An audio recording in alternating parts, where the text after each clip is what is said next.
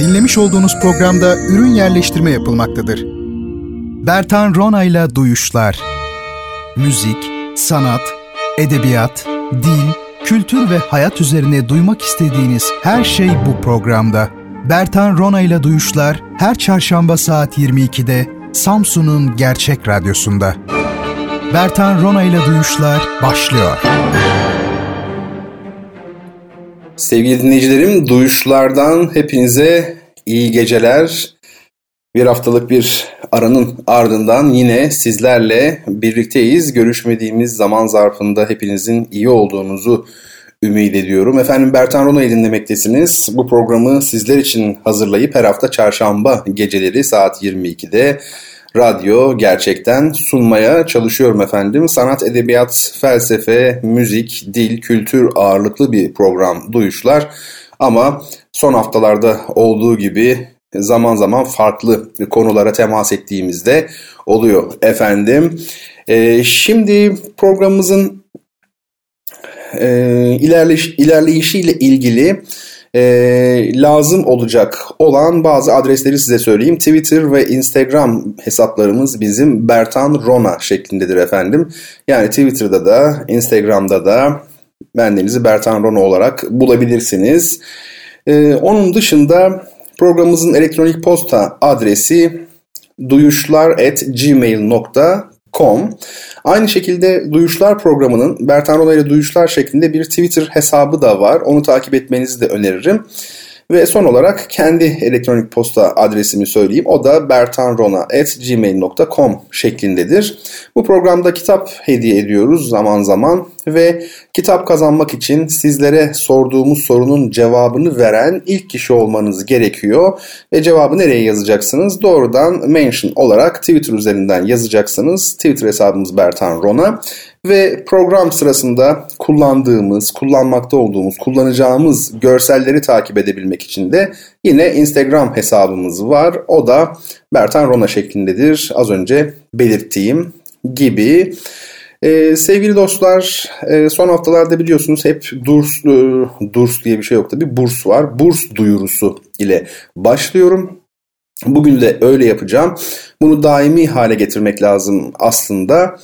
E, Bertan Rana'la duyuşlar. Bertan Rana herhalde e, önceki gece çok uykusuzdum. Onun etkisi bu. Gördüğünüz gibi telaffuzum muhteşem. Öyle değil mi?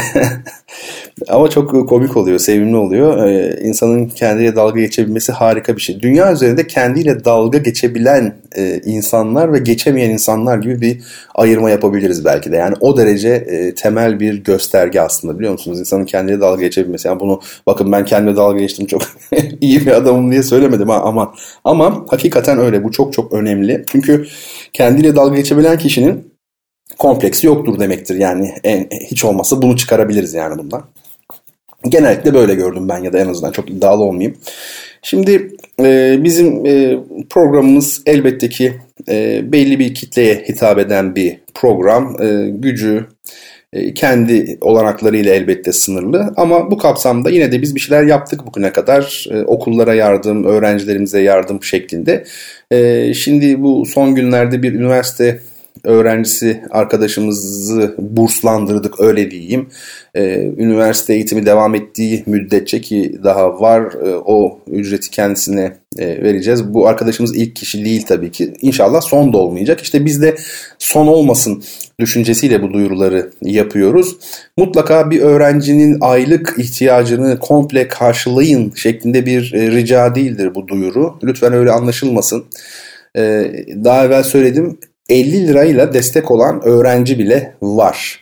Tabii içimize sinmeyen bir şey bu. Ee, sonradan düşündüm ben belki de kabul etmemek lazımdı bilmiyorum ama insanlar yardım etmek istiyorsa onları da kıramazsınız.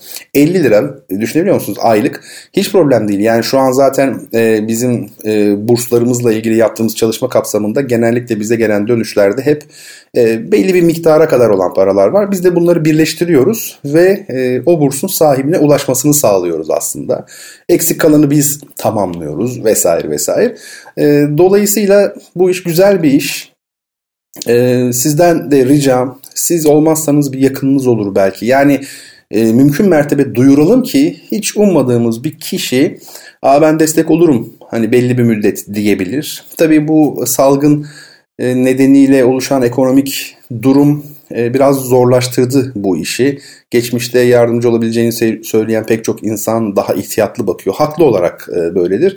Ancak biz bize düşen bu koşullar altında da yine anonslarımızı devam ettirmek, arayışlarımızı devam ettirmektir. Lütfen 3-5 hiç fark etmez. Aylık şu kadar yardımcı olabilirim. Hatta ben bir defa veririm, şu kadar veririm diyen varsa bize dönüş yapsın bir şekilde bertanrona.gmail.com ya da duyuşlar.gmail.com bunların hepsi olabilir. Ee, onları bir güzel e, şey yapalım, değerlendirelim. Çok sevgili e, dinleyicilerim. E, şimdi efendim e, bu şeyi yaptık.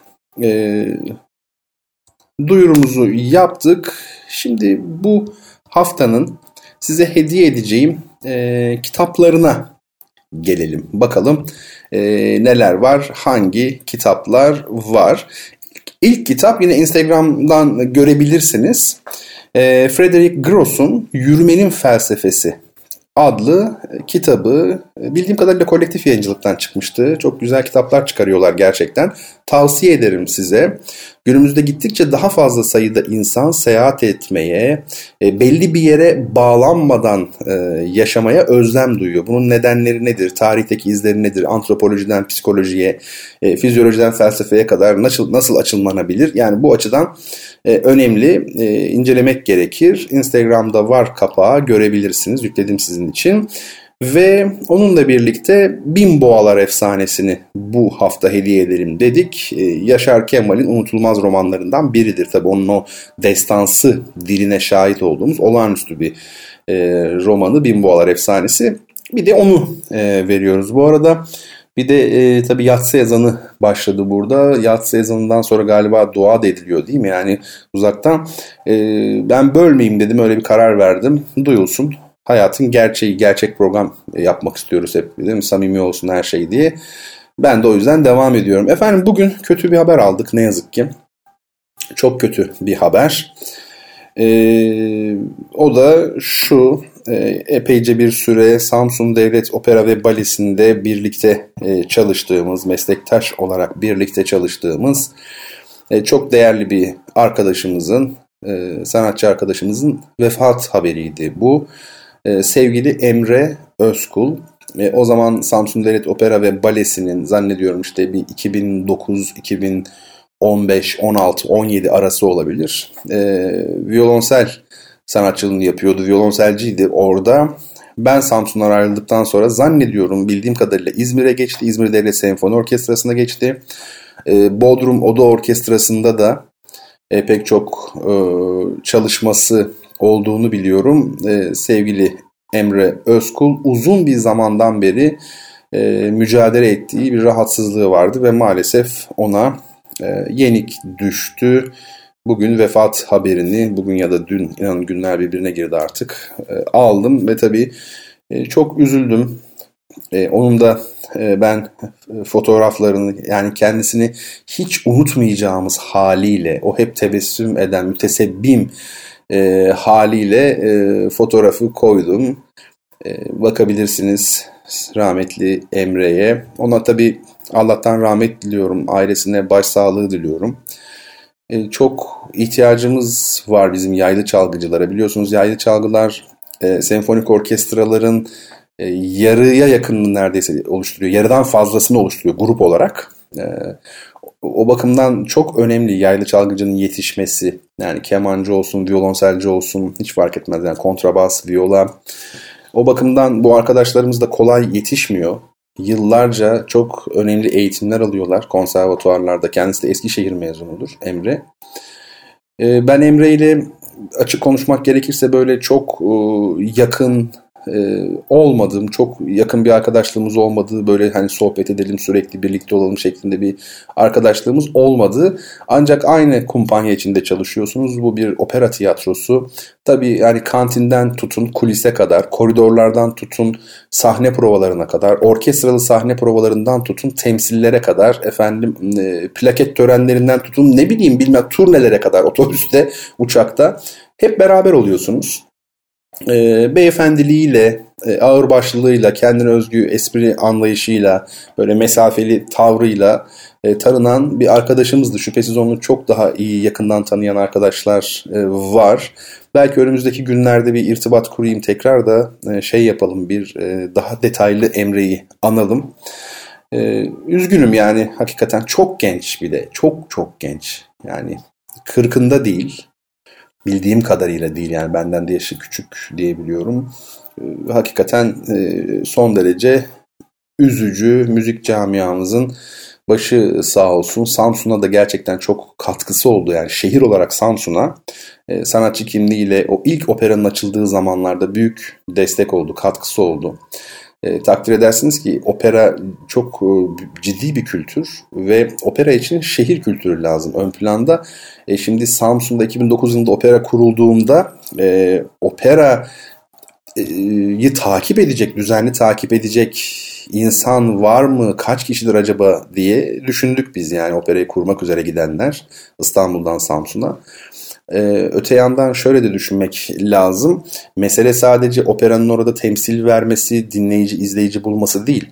Mesele e, operanın o şehrin kültür hayatının ayrılmaz bir parçası olması. Yani o şehir e, halkının operayı benimsemesi, efendim otobüs duraklarından bilmem nereye kadar yani operanın bir kafesi olacak. Çocuklar diyecekler ki hadi nerede operada buluşuyoruz, yani kafede buluşacaklar filan. Ha, temsile gitmeseler de. Yani gece gündüz böyle 7-24 e, şehir şehir hayatın içinde olacak. Böyle bir şey olacak. Bütünleşecek şehirle. Budur aslında başarı.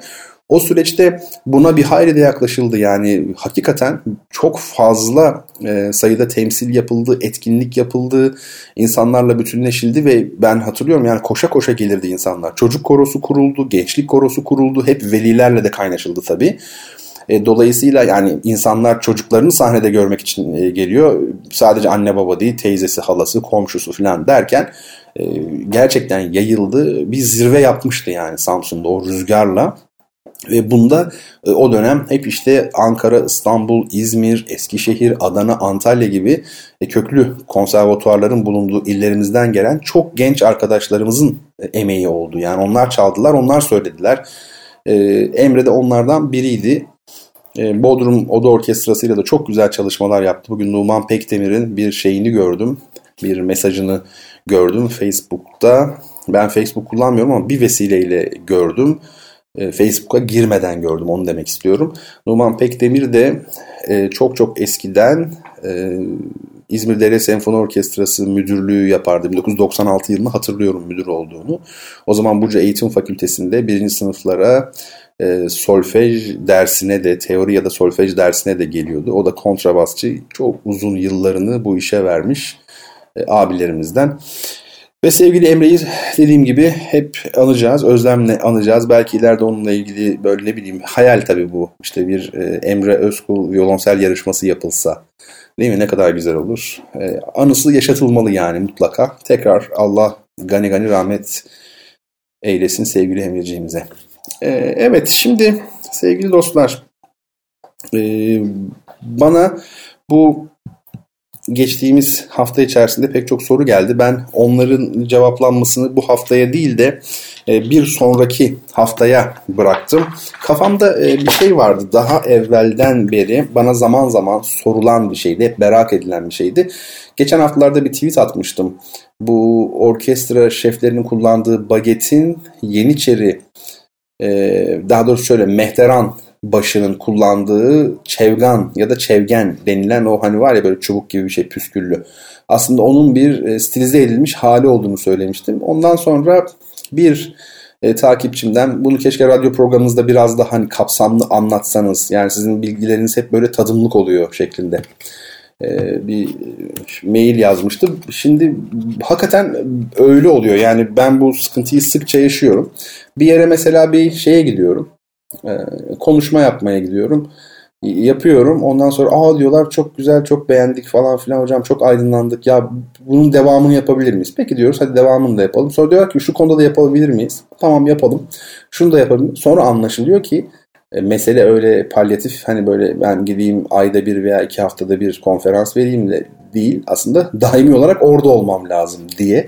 E, bu anlaşılıyor bir süre sonra. Burada da öyle yani tabii ki böyle bir takım bilgi parçalarını veriyorum ama e, detayını nasıl vereyim yani hangi mecrada anlatayım işte en kabadayısı bu yani şey e, radyo programı üstelik zaman sınır, sınırlaması olmadan dilediğimce de anlatabilirim. Ama burada bile her şey olmaz tabii bir yere kadar. Yani o yüzden buradaki böyle felsefi içerikli sohbetlerimiz de aslında genel manada içinde çok değerli şeyler var ama yüzeyseldir. Yani çok derinlemesine gidemeyiz. Yani şimdi orada mesela bir konu var. Diyelim ki Agustinus ya da Descartes bir şey yani biri.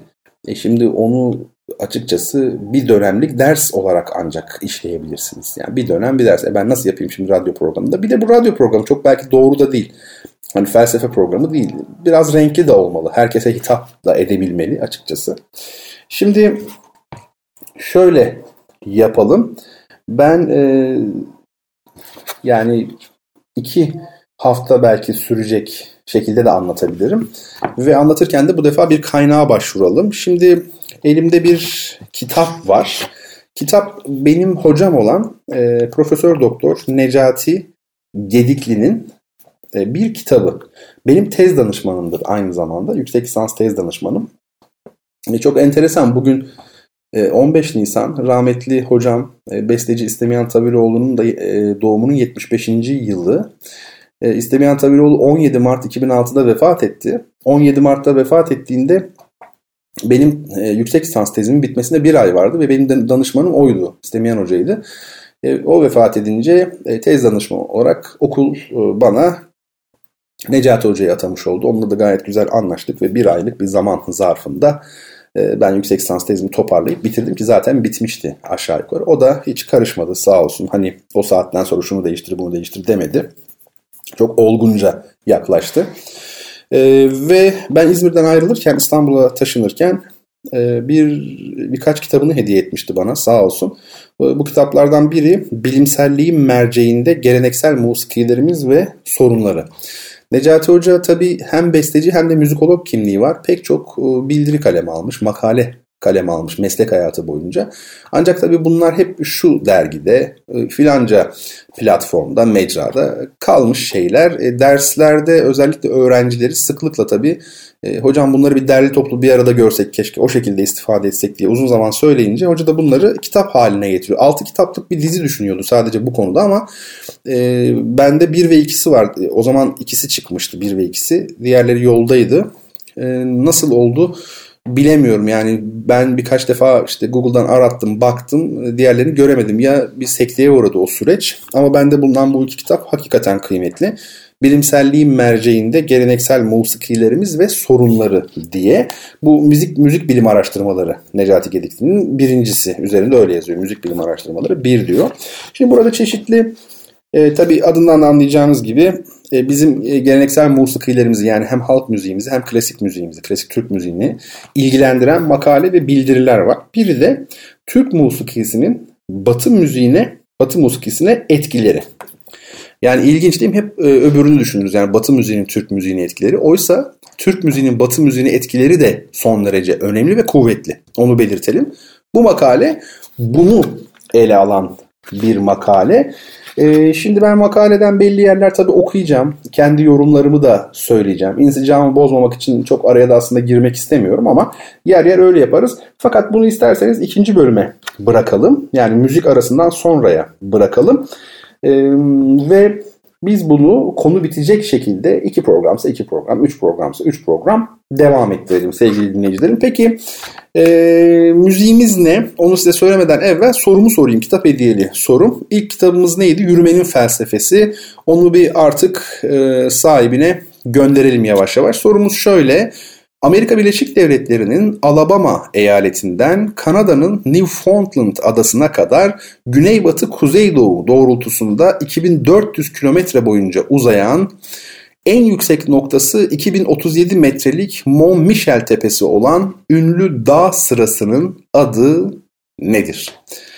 Evet, müzik arasını verelim. Johann Sebastian Bach'ın birbirinden güzel o 6 tane violonsel suite'inden ikincisi olan Re minör suite'in e, bir bölümünü sadece dinliyoruz. Jean Guyen Queiras'ın yorumuyla.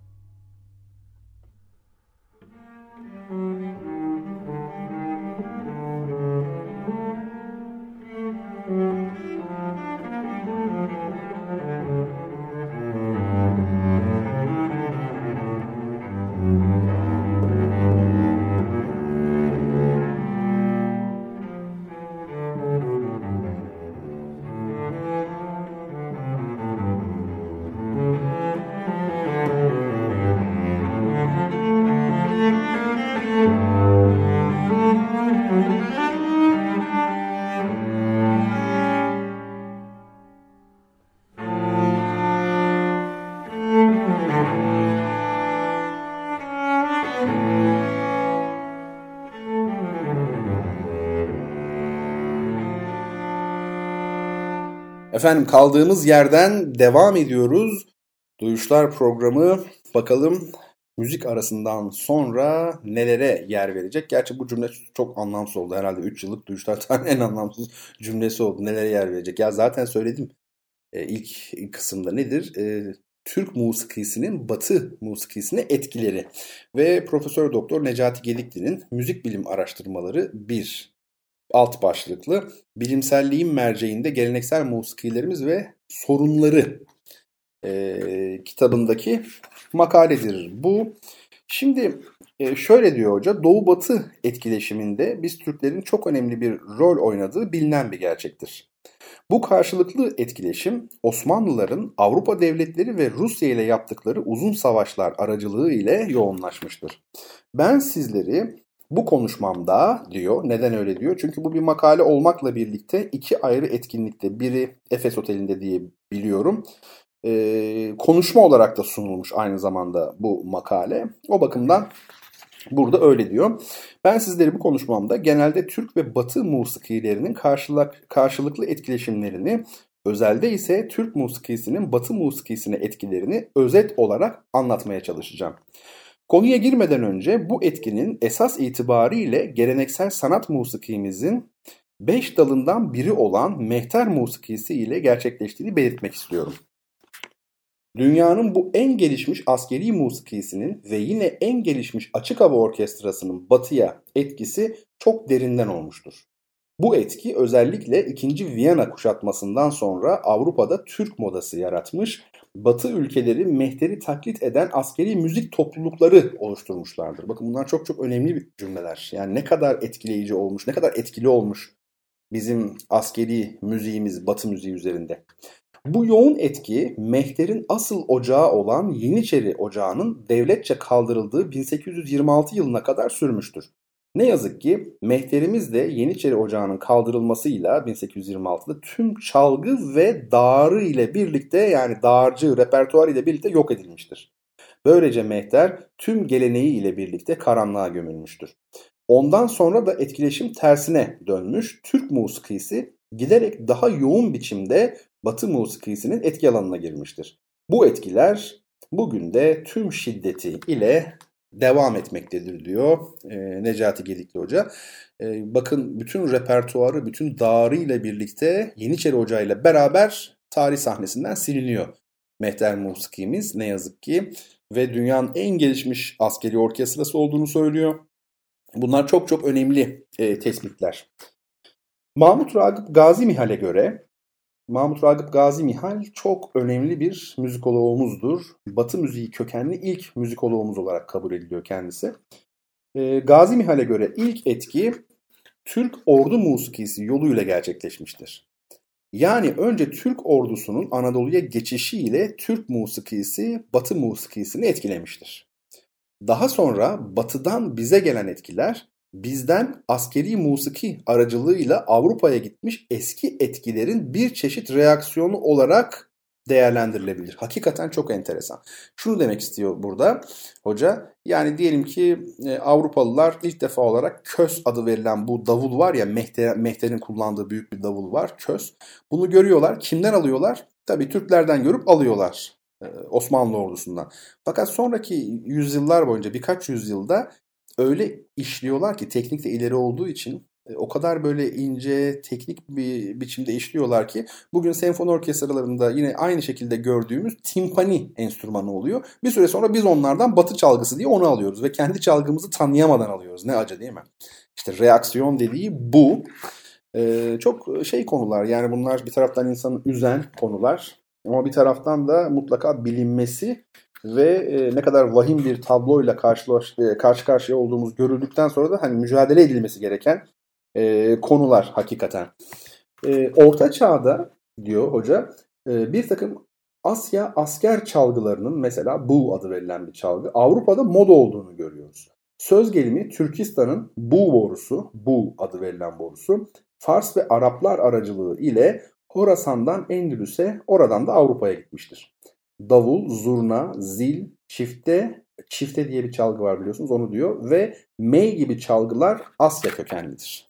Bakın bu enstrümanların hepsi Asya e, kökenliymiş. Sizler de bu program aracılığıyla şimdi Türk musikisinin tarih boyunca Batı müziğini nasıl etkilediğini, aşama aşama nasıl etkilediğini derli toplu bir arada e, öğrenme şansına sahip olmuş oluyorsunuz. Bu önemli, güzel bir şey.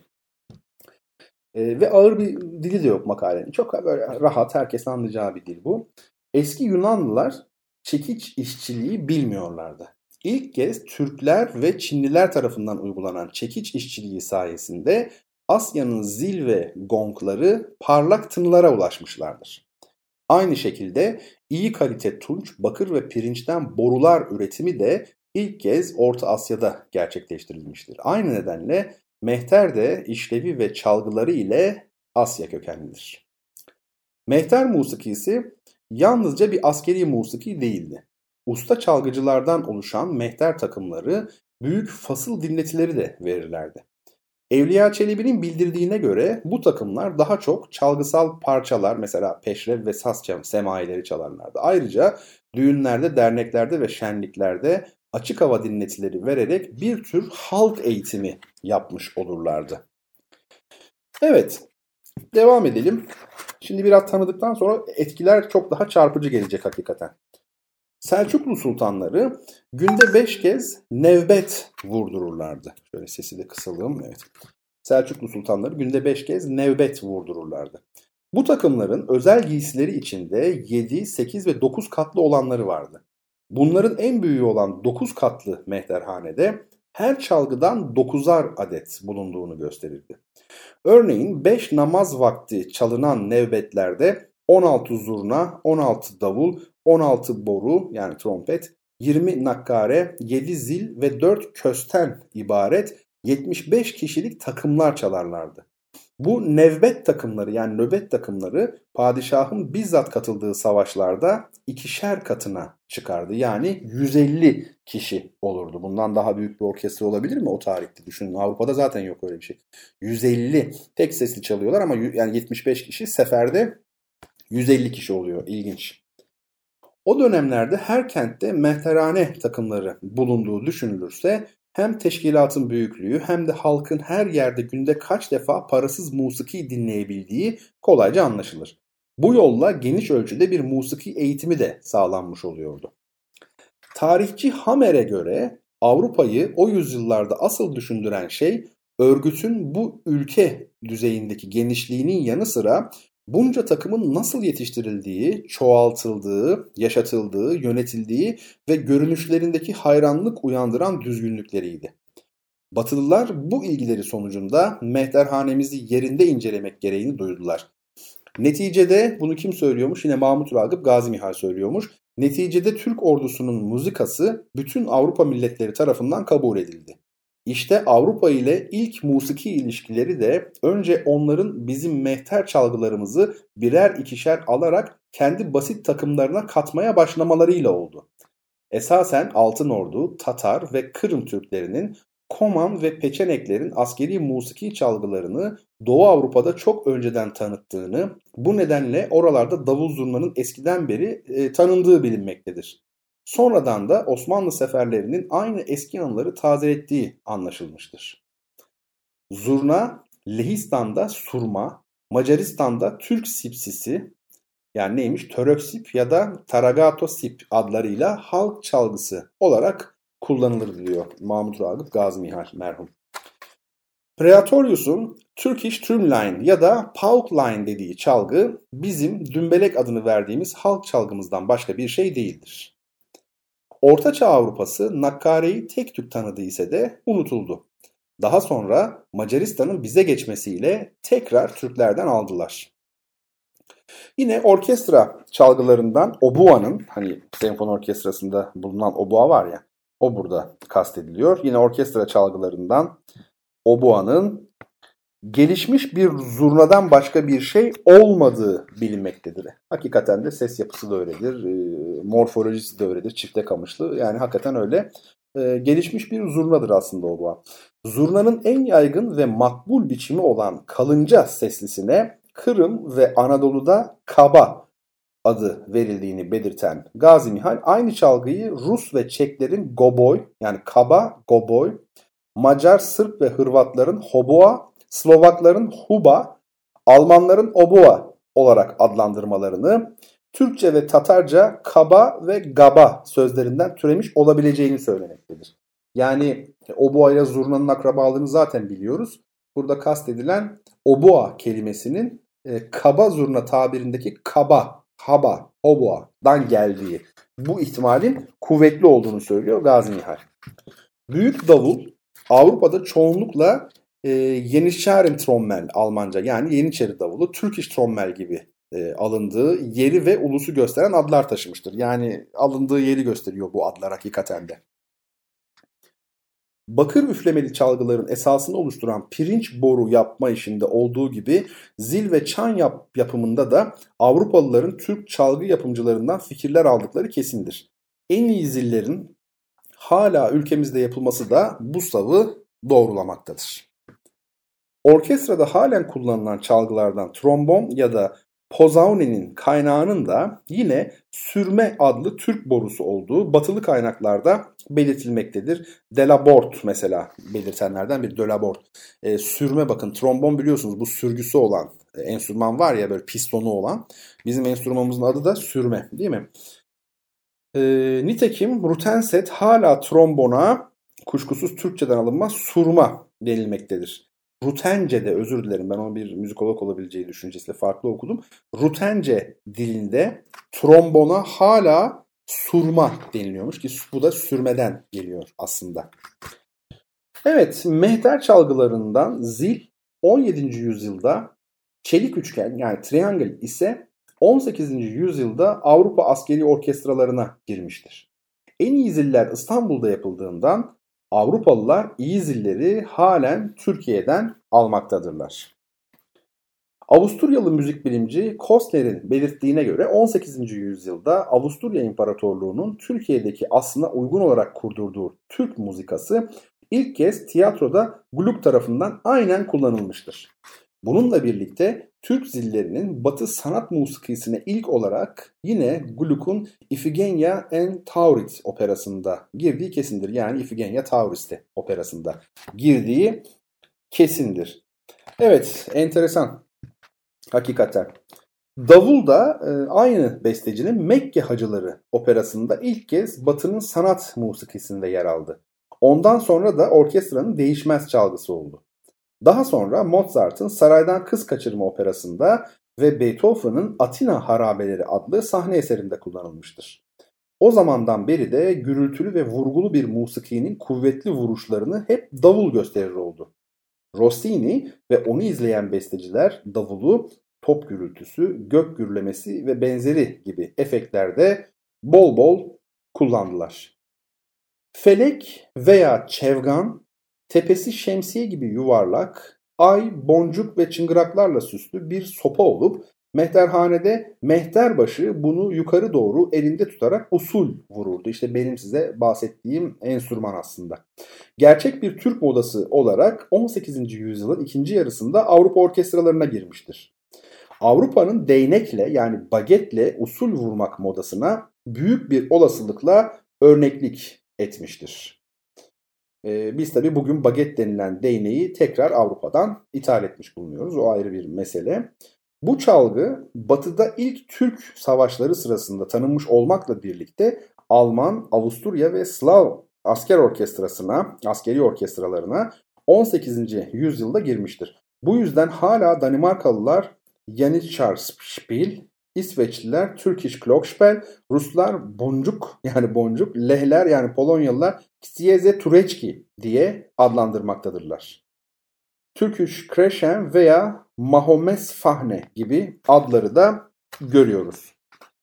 Çevgan'ın Tanzimattan sonra bu arada Çevgan'dan e, ne kastedildiği açık değil mi arkadaşlar? Yani mehter başının en önde yürürken o elinde bir çubuk var ya yukarı aşağı sallıyor. O etrafında böyle boncuklar falan var. Bir yukarı, üstte bir halka var. Çeşitli sesler veriyor. Yani usul vuruyor, tempoyu vurmuş oluyor. O enstrüman ki bugün orkestra şefinin bagetine e, bir e, prototip olduğu e, söyleniyor.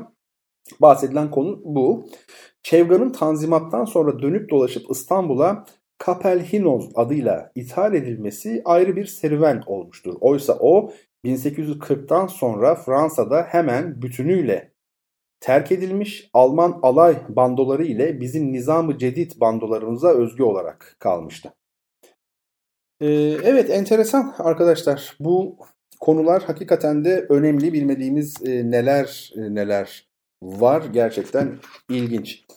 Ee, şimdi Şöyle biraz daha devam edeyim ben bu makaleden size okumaya. Müzik aramızı biraz sonra veririz.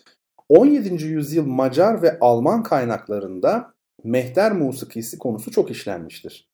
Evliya Çelebi'nin de seyahatnamesinde yer yer teyit edilen bu görüşlere göre 18. yüzyılın tüm Avrupa'sında Türk askeri musikisinin yani mehter'in incelenip taklit edilmesi moda oldu.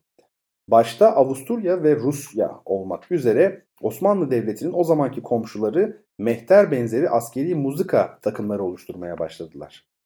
Türkler de Avrupalı komşularına özellikle de Avusturya ve Polonya'ya memnun kalacakları inancıyla bu Yeniçeri muzikalarından hediye ettiler. Ancak bu takımlar gerçek mehter takımlarından çok farklı ve elbette yetersizdi. Türk mehter musikisi Avrupalı bestecileri de özellikle çalgıları ve tartımı bakımından çok etkilemişti. Müziğinde bunlara özenen pek çok besteci çıkmıştır. Alla Turca adı verilen bu yeni türü etkileyen mehter müziği Avrupa'da da çeşitli yollardan kendini tanıtmıştı. Sonra Türk savaş tutsakları Avusturya bandolarında çalmışlardır. Ancak en önemlisi barış zamanında Viyana halkı Viyana'daki Türk elçiliği aracılığıyla bu dünyanın en gelişmiş askeri musikisini dinlemiştir. Nitekim 1665'te Viyana'ya elçi olarak atanan Kara Mehmet Paşa kente mehter musikisi eşliğinde girmiş ve daha sonraları da elçiliğin yanında sürekli olarak mehterle açık hava dinletileri düzenlemiştir. Bu sırada hatta elçinin katibi Evliya Çelebi'ydi. Evliya Çelebi Seyahatnamesinin 7. cildinde yalnızca Avusturya müziği üzerine geniş bilgi vermekle kalmamış, ayrıca Viyana halkı için düzenlenen mehter dinletilerini de anlatmıştır. Nitekim Paşa'nın Viyana'ya girişini gösteren bir resimde mehter çalgılarının adları da verilmektedir. E, hakikaten enteresan. E, Evliya Çelebi Kara Mehmet Paşa'nın katibi o yıllarda onunla birlikte 1665 civarında Viyana'da bulunuyor ve orada Viyanalılar için verilen mehter konserlerini anlatıyor. Viyana'nın müzik hayatını anlattıktan başka bunu da anlatıyor. Hakikaten enteresan bir e, yani hazine değerinde bunlar. Daha sonra Viyana'ya giden Türk elçileri beraberlerinde bir de mehter takımı götürmüşlerdir. Örneğin Sultan II. Mustafa döneminde imzalanan Karlofça Antlaşması'ndan sonra Leopoldstadt'a ilişkilerin yeniden kurulması için 1699'da gönderilen elçi İbrahim Paşa 1719'da Pasarofça Antlaşması'ndan sonra giden silahdar İbrahim Paşa bunlardan bazılarıdır. Diyelim ve ee, Burada bir mim koyalım şimdilik çok değerli dinleyenlerim. Ardından e, buradan devam edeceğiz. Kaldığımız yerden devam edeceğiz. Kitabımı bıraktım. E, şimdi tabii sorumuzun cevabı Apalaş dağlarıydı. Doğru cevabı e, veren e, dinleyicimizden e, istediğim adını, soyadını, adresini ve telefonunu bize mutlaka ulaştırsın. Twitter üzerinden olabilir, direkt mesaj yazarak, mail atabilir, nasıl arzu ederse. Şimdi size çok güzel bir koro e, müziği dinleteceğim. Arda Boyları türküsünün e, bir koroyla böyle çok e, hoş bir düzenlemesi. Aysim Dolgun, çok uzun zaman e, görüşmediğimiz İzmir 9 Eylül Üniversitesi Devlet Konservatuvarı'ndan bir arkadaşım e, çok değerli e, bir besteci aynı zamanda. Sevgili Asim'in Arda Boyları adlı düzenlemesini Devlet Çok Sesli e, korosunu yöneten İbrahim Yazıcı'nın yorumuyla dinliyoruz efendim.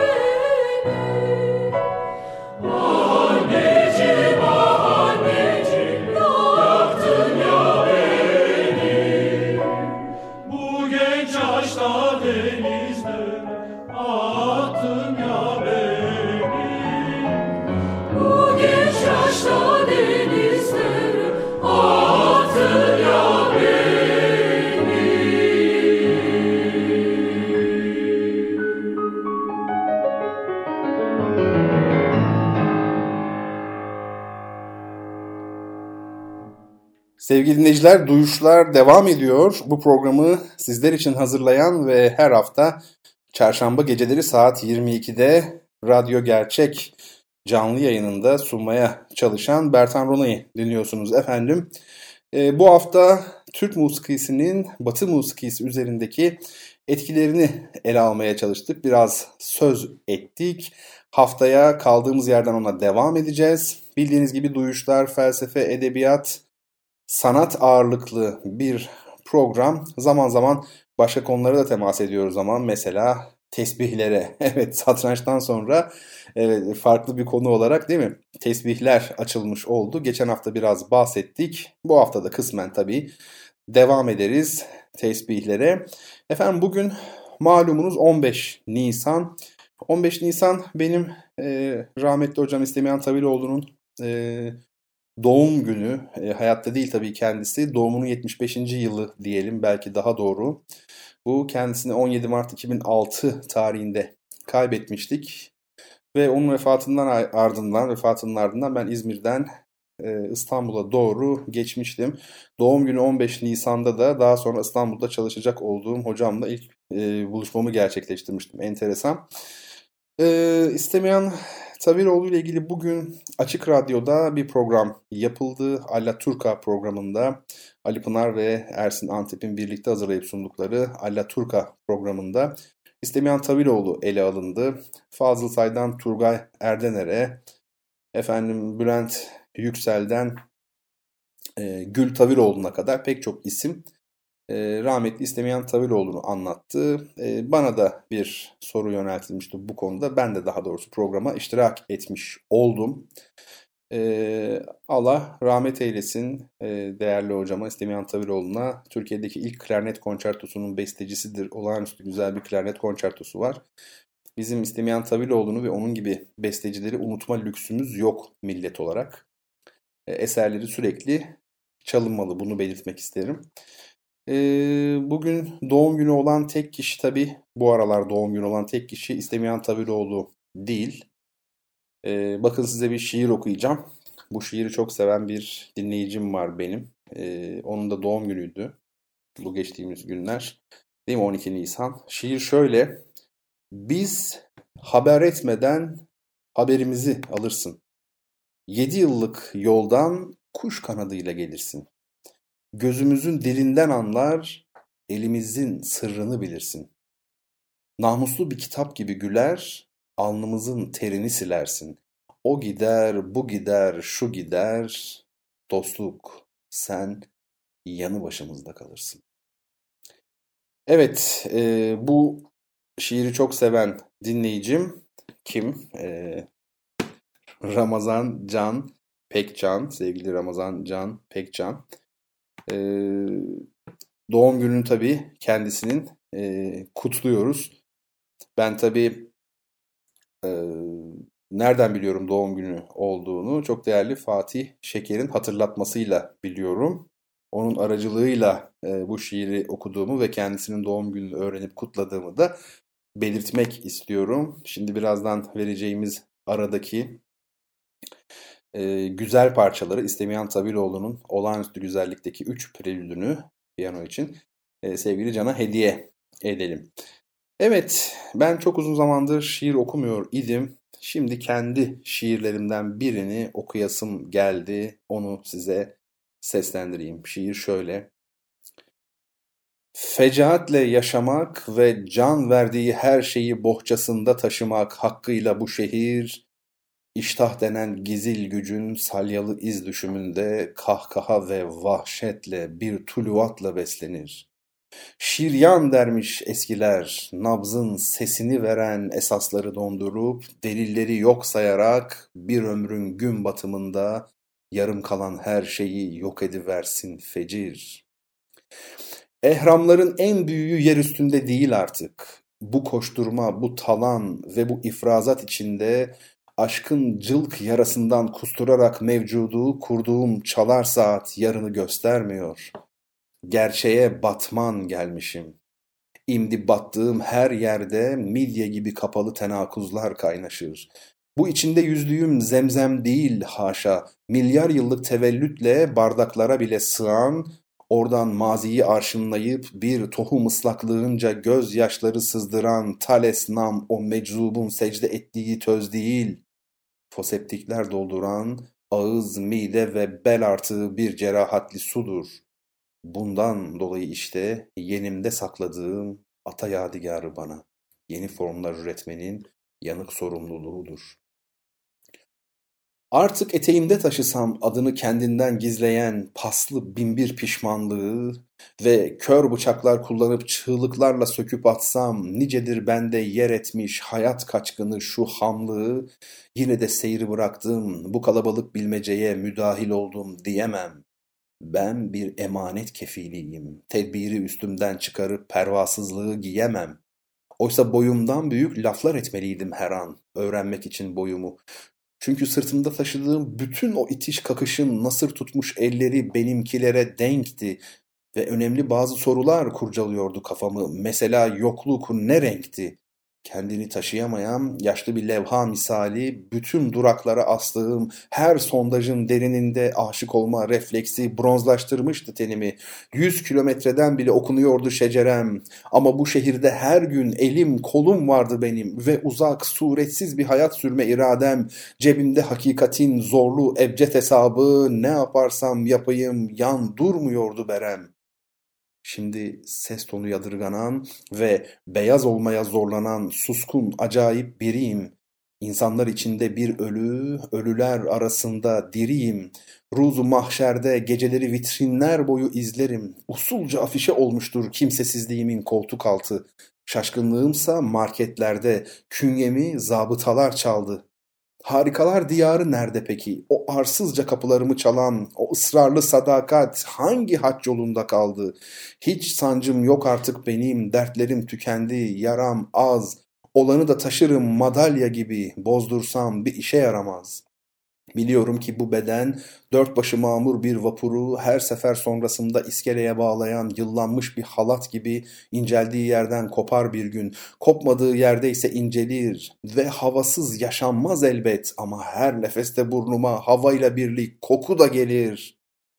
Fecahatle yaşamak ve can verdiği her şeyi bohçasında taşımak hakkıyla bu şehir İştah denen gizil gücün salyalı iz düşümünde kahkaha ve vahşetle bir tuluvatla beslenir. Şiryan dermiş eskiler, nabzın sesini veren esasları dondurup delilleri yok sayarak bir ömrün gün batımında yarım kalan her şeyi yok ediversin fecir. Ah, evet böyle bir Şiir yani ammada yazmışım ha. 2008 herhalde. 2007 veya 2008. Peki. Şimdi sorumu sorayım ikinci kitap hediyesi için. Soru şöyle. Birinci Körfez Savaşı sırasında Amerikan ordusuna komutanlık yapan kişinin lakabı nedir? Ve istemeyen Taviloğlu'ndan 3 klip dinleyelim. Piyanoda Yeşim Gökalp var. Sonra aranın ardından birlikte olalım.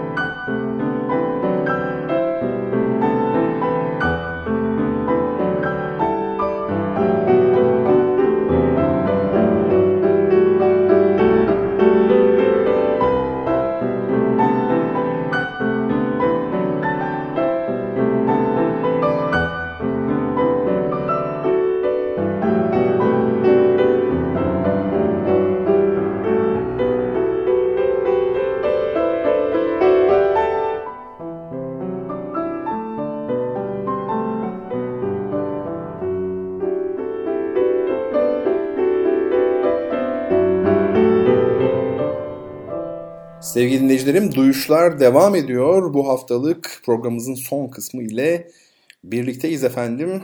Ee, geçen hafta e, bir gizemli mektup üzerine, mail üzerine öyle diyeyim e, bir tesbih dosyası açmıştık. Tesbihlerden bahsedelim diye. Hiç hesapta olmayan bir konuydu bu. Ama hakikaten olağanüstü güzel bir konudur. Tesbih bizim e, kültürümüzün çok önemli e, bileşenlerinden biri aslında üzerinde durmak e, gerekiyor.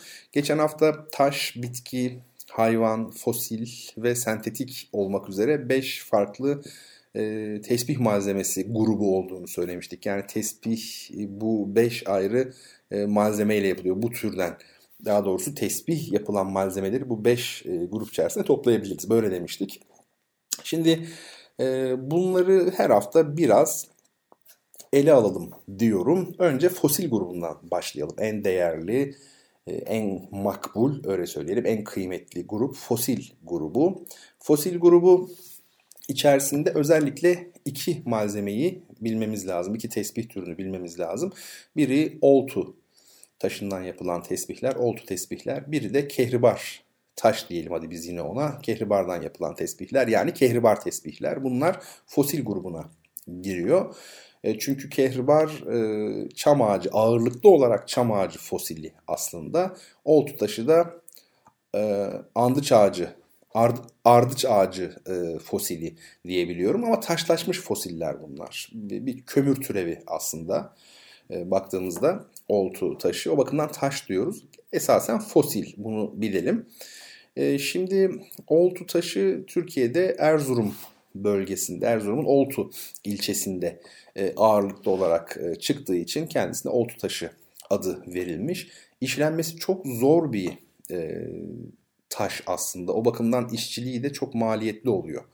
Yani çünkü bir ustanın e, örnek başka bir malzemeyi işlemesiyle oltu taşını izle, işlemesi bir olmuyor hakikaten. Oldukça güç o bakımdan maliyetleri de yüksek oluyor işçilik maliyetleri. Ben öyle biliyorum en azından. Çok bilgili olduğumu iddia edemem yani bu konuda. Bu işin uzmanları e, var tabii. Ama e, bu söylediklerim doğru şeyler. Şimdi oltu taşına kara kehribar da deniyor. Bilindiği üzere kehribar en değerli taştır. En değerli tesbih malzemesidir öyle söyleyelim. Oltu taşına da kara kehribar derler halk arasında. E, şimdi oltu taşı bir kere şunu söyleyeyim. Tesbihleri genel olarak tabii görüp almak lazım. Çünkü internetten hele bilmiyorsanız bu işi kandırılmanız çok müsait. Yani mutlaka internetten satanlar böyledir demiyorum. Biz e, ne istediğimizi tam bilmediğimiz için aydınlanamayız. Ama yüz yüze bir esnaftan alırsanız o zaman işin rengi tabii e, şey yapar yani değişir. E, sizi aydınlatır. Tabii güvenilir esnaf lazım. E, esnaflarımızın içerisinde her ne kadar sistem onları yalan söylemeye itiyor olsa da gerçekten işini hakkıyla yapan, yapan dürüst esnafımızda bir hayli var. Öyle söyleyeyim. Bu arada esnaf sınıf kelimesinin çoğulu Arapça. Esnaf sınıflar demek aslında. Esnaflar olmaz normalde ama dile tekil yerleştiği için belki de esnaf esnaflar diyoruz. Oradaki esnaflar. Yani oradaki esnaf yani tamamını kapsayacak şekilde e, söylenebilir. Yine onu e, şey yapalım, belirtelim. Şimdi oltu taşını da o şekilde hani almakta tabii e, fayda var. Rengi siyah biliyorsunuz. Parlak olmasıyla dikkat çeker yalnız. Parlak siyah olmasıyla dikkat çeken bir e, taştır oltu taşı ve çekildikçe e, parladığı her zaman söylenir. Oltu taşı ne kadar çekerseniz e, o kadar parlar derler. Üzerinde böyle çizikler olur çok dikkatli bakıldığında. Bu çizikler e, gerçek oltu taşı olduğuna dair en önemli alametler arasındadır. Ben Instagram'a sizin için fotoğraflar yükledim. Bu fotoğraflara şöyle bir bakarsak, bu fotoğraflardan birincisine bakacak olursak özellikle burada e, görüyorsunuz çok sade, gümüş püsküllü bir oltu taşı tesbih var. Bu arada görselleri internetten buldum. E, bunları koyan e, firmalar nedir, kimdir veya ben bilmiyorum. Hiç bunlar tabii biz ticari bir amacımız yok. Tesbih tanıtıyoruz. O bakımdan bir sıkıntı olacağını düşünmediğimden koydum. Bakın bu gümüş, bu 925 ayar gümüş muhtemelen e, tahminime 1000 ayar da olabilir bilmiyorum.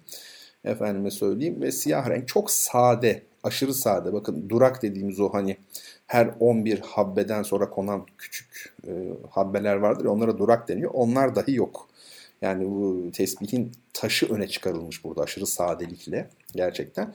Arkasındakine baktığımızda bir sonraki fotoğrafa oltu taşı genellikle bu tür işlemelerle süsleniyor. Böyle gümüş işlemeler. Ustalar bunu kendi eliyle yapıyor her birine. O bakımdan hani 4 işlemeli olanla yani her habbede diyelim ki 4-4 işleme yapmışlar. Onunla işte bu gördüğünüz gibi kalabalık işleme aynı e, işçilik fiyatına tabi olmuyor. Özellikle böyle yoğun işlemeler ki daha fazla yoğun işlemeler de var. E, usta işçiliği olarak e, fiyatları, maliyetleri bir hayli yükseltiyor. Ben aslında çok sade oltu taşı tesbih seviyorum ama bu gümüş işleme de oltu taşına gerçekten e, yakışıyor. Onu size belirteyim.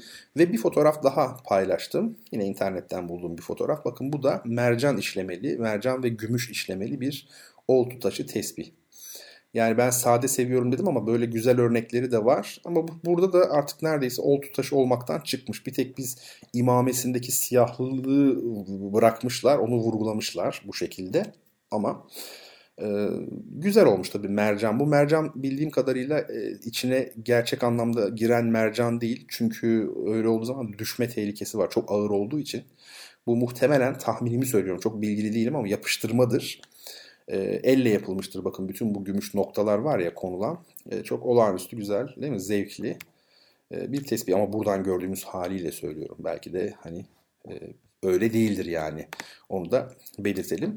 Efendim şimdi oltu taşı ile ilgili birazcık konuşmuş olduk ve şeye geçelim. Ne derler adına?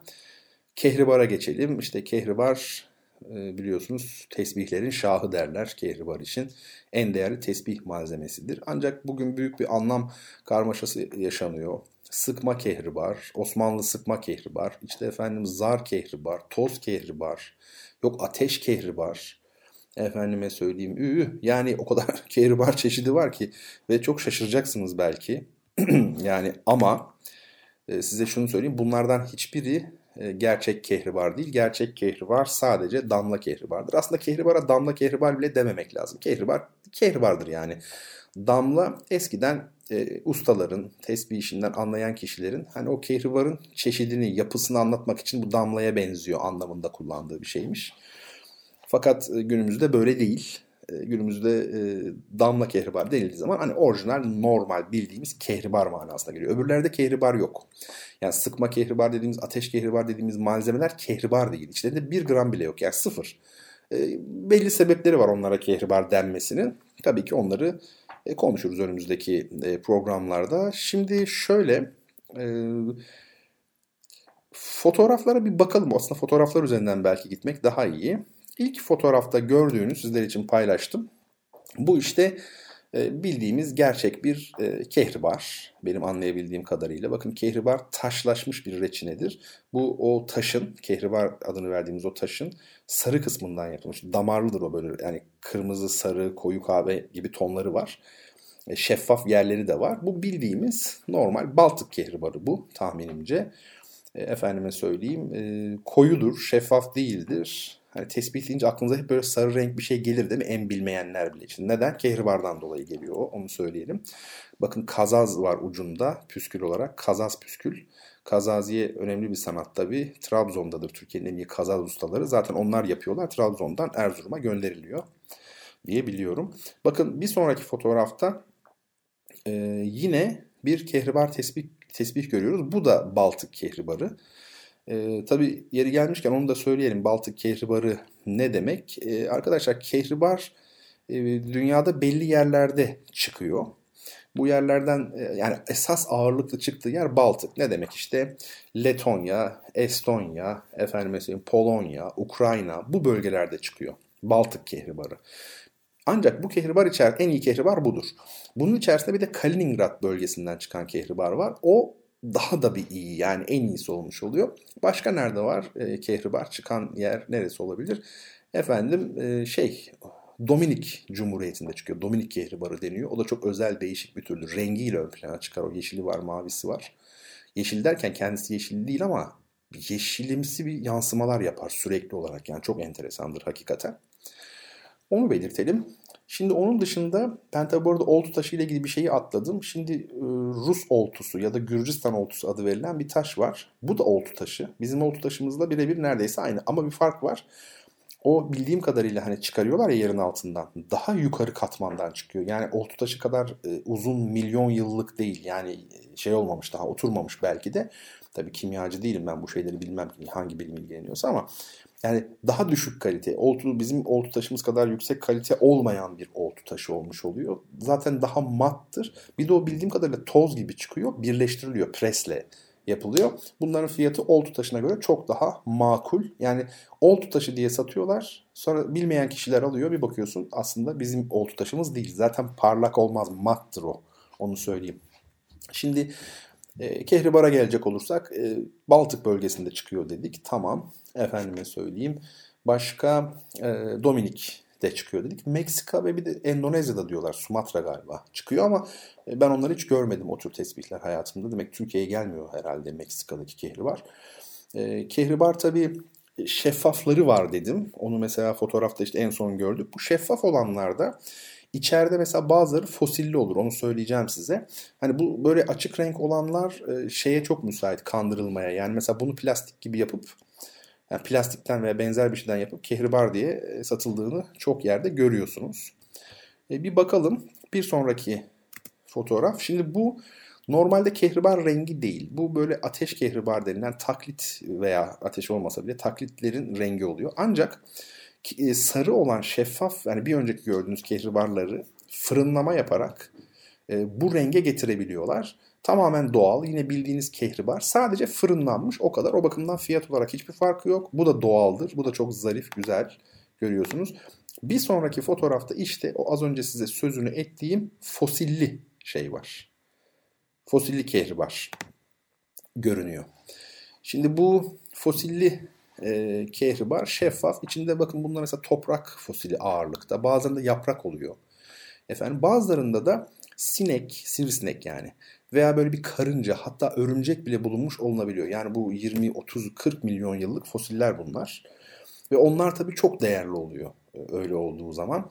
Ama böyle karıncalı kehribar diye piyasada satılan kehribarlar var. 33 tane düşünün tanenin içerisinde her birine ortaya bir karınca yerleştirilmiş. Ay ya 33'ünde birden karıncalı kehribar herhalde hiç yoktur dünyanın hiçbir yerinde öyle bir şey çıkmaz yani. Milyarda bir ihtimal bile yok efendime söyleyeyim hepsi aynı boyutta aynı şekilde duruyor falan. Yani bunlara kim kanıyor ben bilmiyorum. Hani nasıl olur e, şey içinde e, haşere fosili, sinek fosili. Hani şu gördüğünüz resimdeki gibi bir kehribar düşün. İçinde küçücük bir sivrisinek gibi bir e, o dönemden kalma 30 milyon yıl önceden kalma bir sinek odur. Ama kocaman kocaman böyle her birinin ortasında aynı şekilde duracak şekilde yapılmış piyasada çok acayip komik. Ve bir de ee, bir, bir tane daha var. Bir de ona bakalım. E, fotoğraflarımızı sırayla izliyorsunuzdur umarım Instagram'dan. Bakın sonda da e, ha bu arada az önce o fosilli dediğimiz Dominik kehribarı işte. Bakın bu muhtemelen yeşil. Yeşile çalıyor. Son fotoğrafımız ise işte e, Kaliningrad kehribarı ve bunların içerisinden de Arapların seccar dediği bizim e, akça kehribar dediğimiz Türkçe'de bir e, şey. Bakın usta işi bu. Yani imamesinin daha doğrusu hit, hitame kısmına şöyle bir bakarsanız uç kısmında metal bir plaka görürsünüz yuvarlak. İşte o ustanın markanın şeyi alameti. Bakın bu sarı ancak beyaza çalıyor yer yer. Kaliningrad kehribarın işte bu akça kehribar denilen ve bunun tabii kokusu da bir başka yani elinizle okşadığınız zaman hiçbir şeye benzemez. Dominik Kehribar'ı bazen insanı yanıltır. Onu da söyleyeyim. Bazen böyle sanki plastik gibi hiç böyle garip kötü bir hava verir. Kesinlikle öyle bir şey yok. E, o verse bile o havayı Dominik Kehribar'da birinci sınıf Kehribar. Yani hiçbir e, şey yok, farkı yok. Tabii söylenecek çok şey var. E, çok değerli arkadaşlar. Ama e, şimdilik ana hatlarıyla e, böyle olsun. Tesbih sohbetimiz devam edeceğiz tabii ki. Ve tabii ikinci sorunun cevabı neydi? Çöl ayısıydı. Gerçekten isabetli ayı gibi bir adam yani çöl ayısı.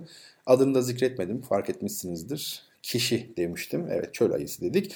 E, doğru cevabı bilen, yazan, ilk yazan dinleyicim lütfen adını, soyadını, adresini ve telefon numarasını bize ulaştırsın. duyuşlar.gmail.com'a ya da benim Twitter hesabıma mesaj da atabilir fark etmez. Böylelikle kendisine kitabını gönderelim. Evet sevgili dostlar burs duyurumuzu bir kere daha yapalım. Öğrencilere, öğrenci kardeşlerimize, üniversite öğrencilerine yardımcı olmak isteyenler varsa lütfen bize ulaşsınlar. Duyuru bu kadar. Ve sizlere Haçaturya'nın Gayane balesinden 1942 tarihli Gayane balesinden çok ünlü dansı olan kılıç dansı olarak Türkçe'ye çeviriyorlar ama bence hançer barı. E, bu güzel müzikle sizleri baş başa bırakıyorum efendim. Haftaya aynı gün ve saatte görüşmek üzere.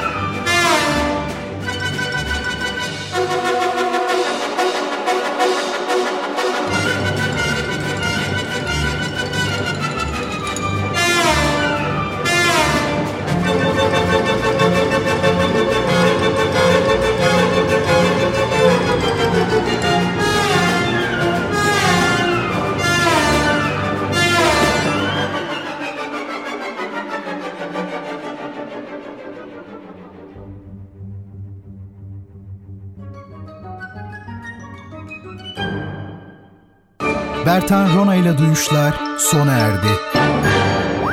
Bu program hakkındaki düşüncelerinizi dinleyen et radyogercek.com adresine mail atarak bize ulaştırabilirsiniz. Dinlemiş olduğunuz programda ürün yerleştirme yapılmıştır.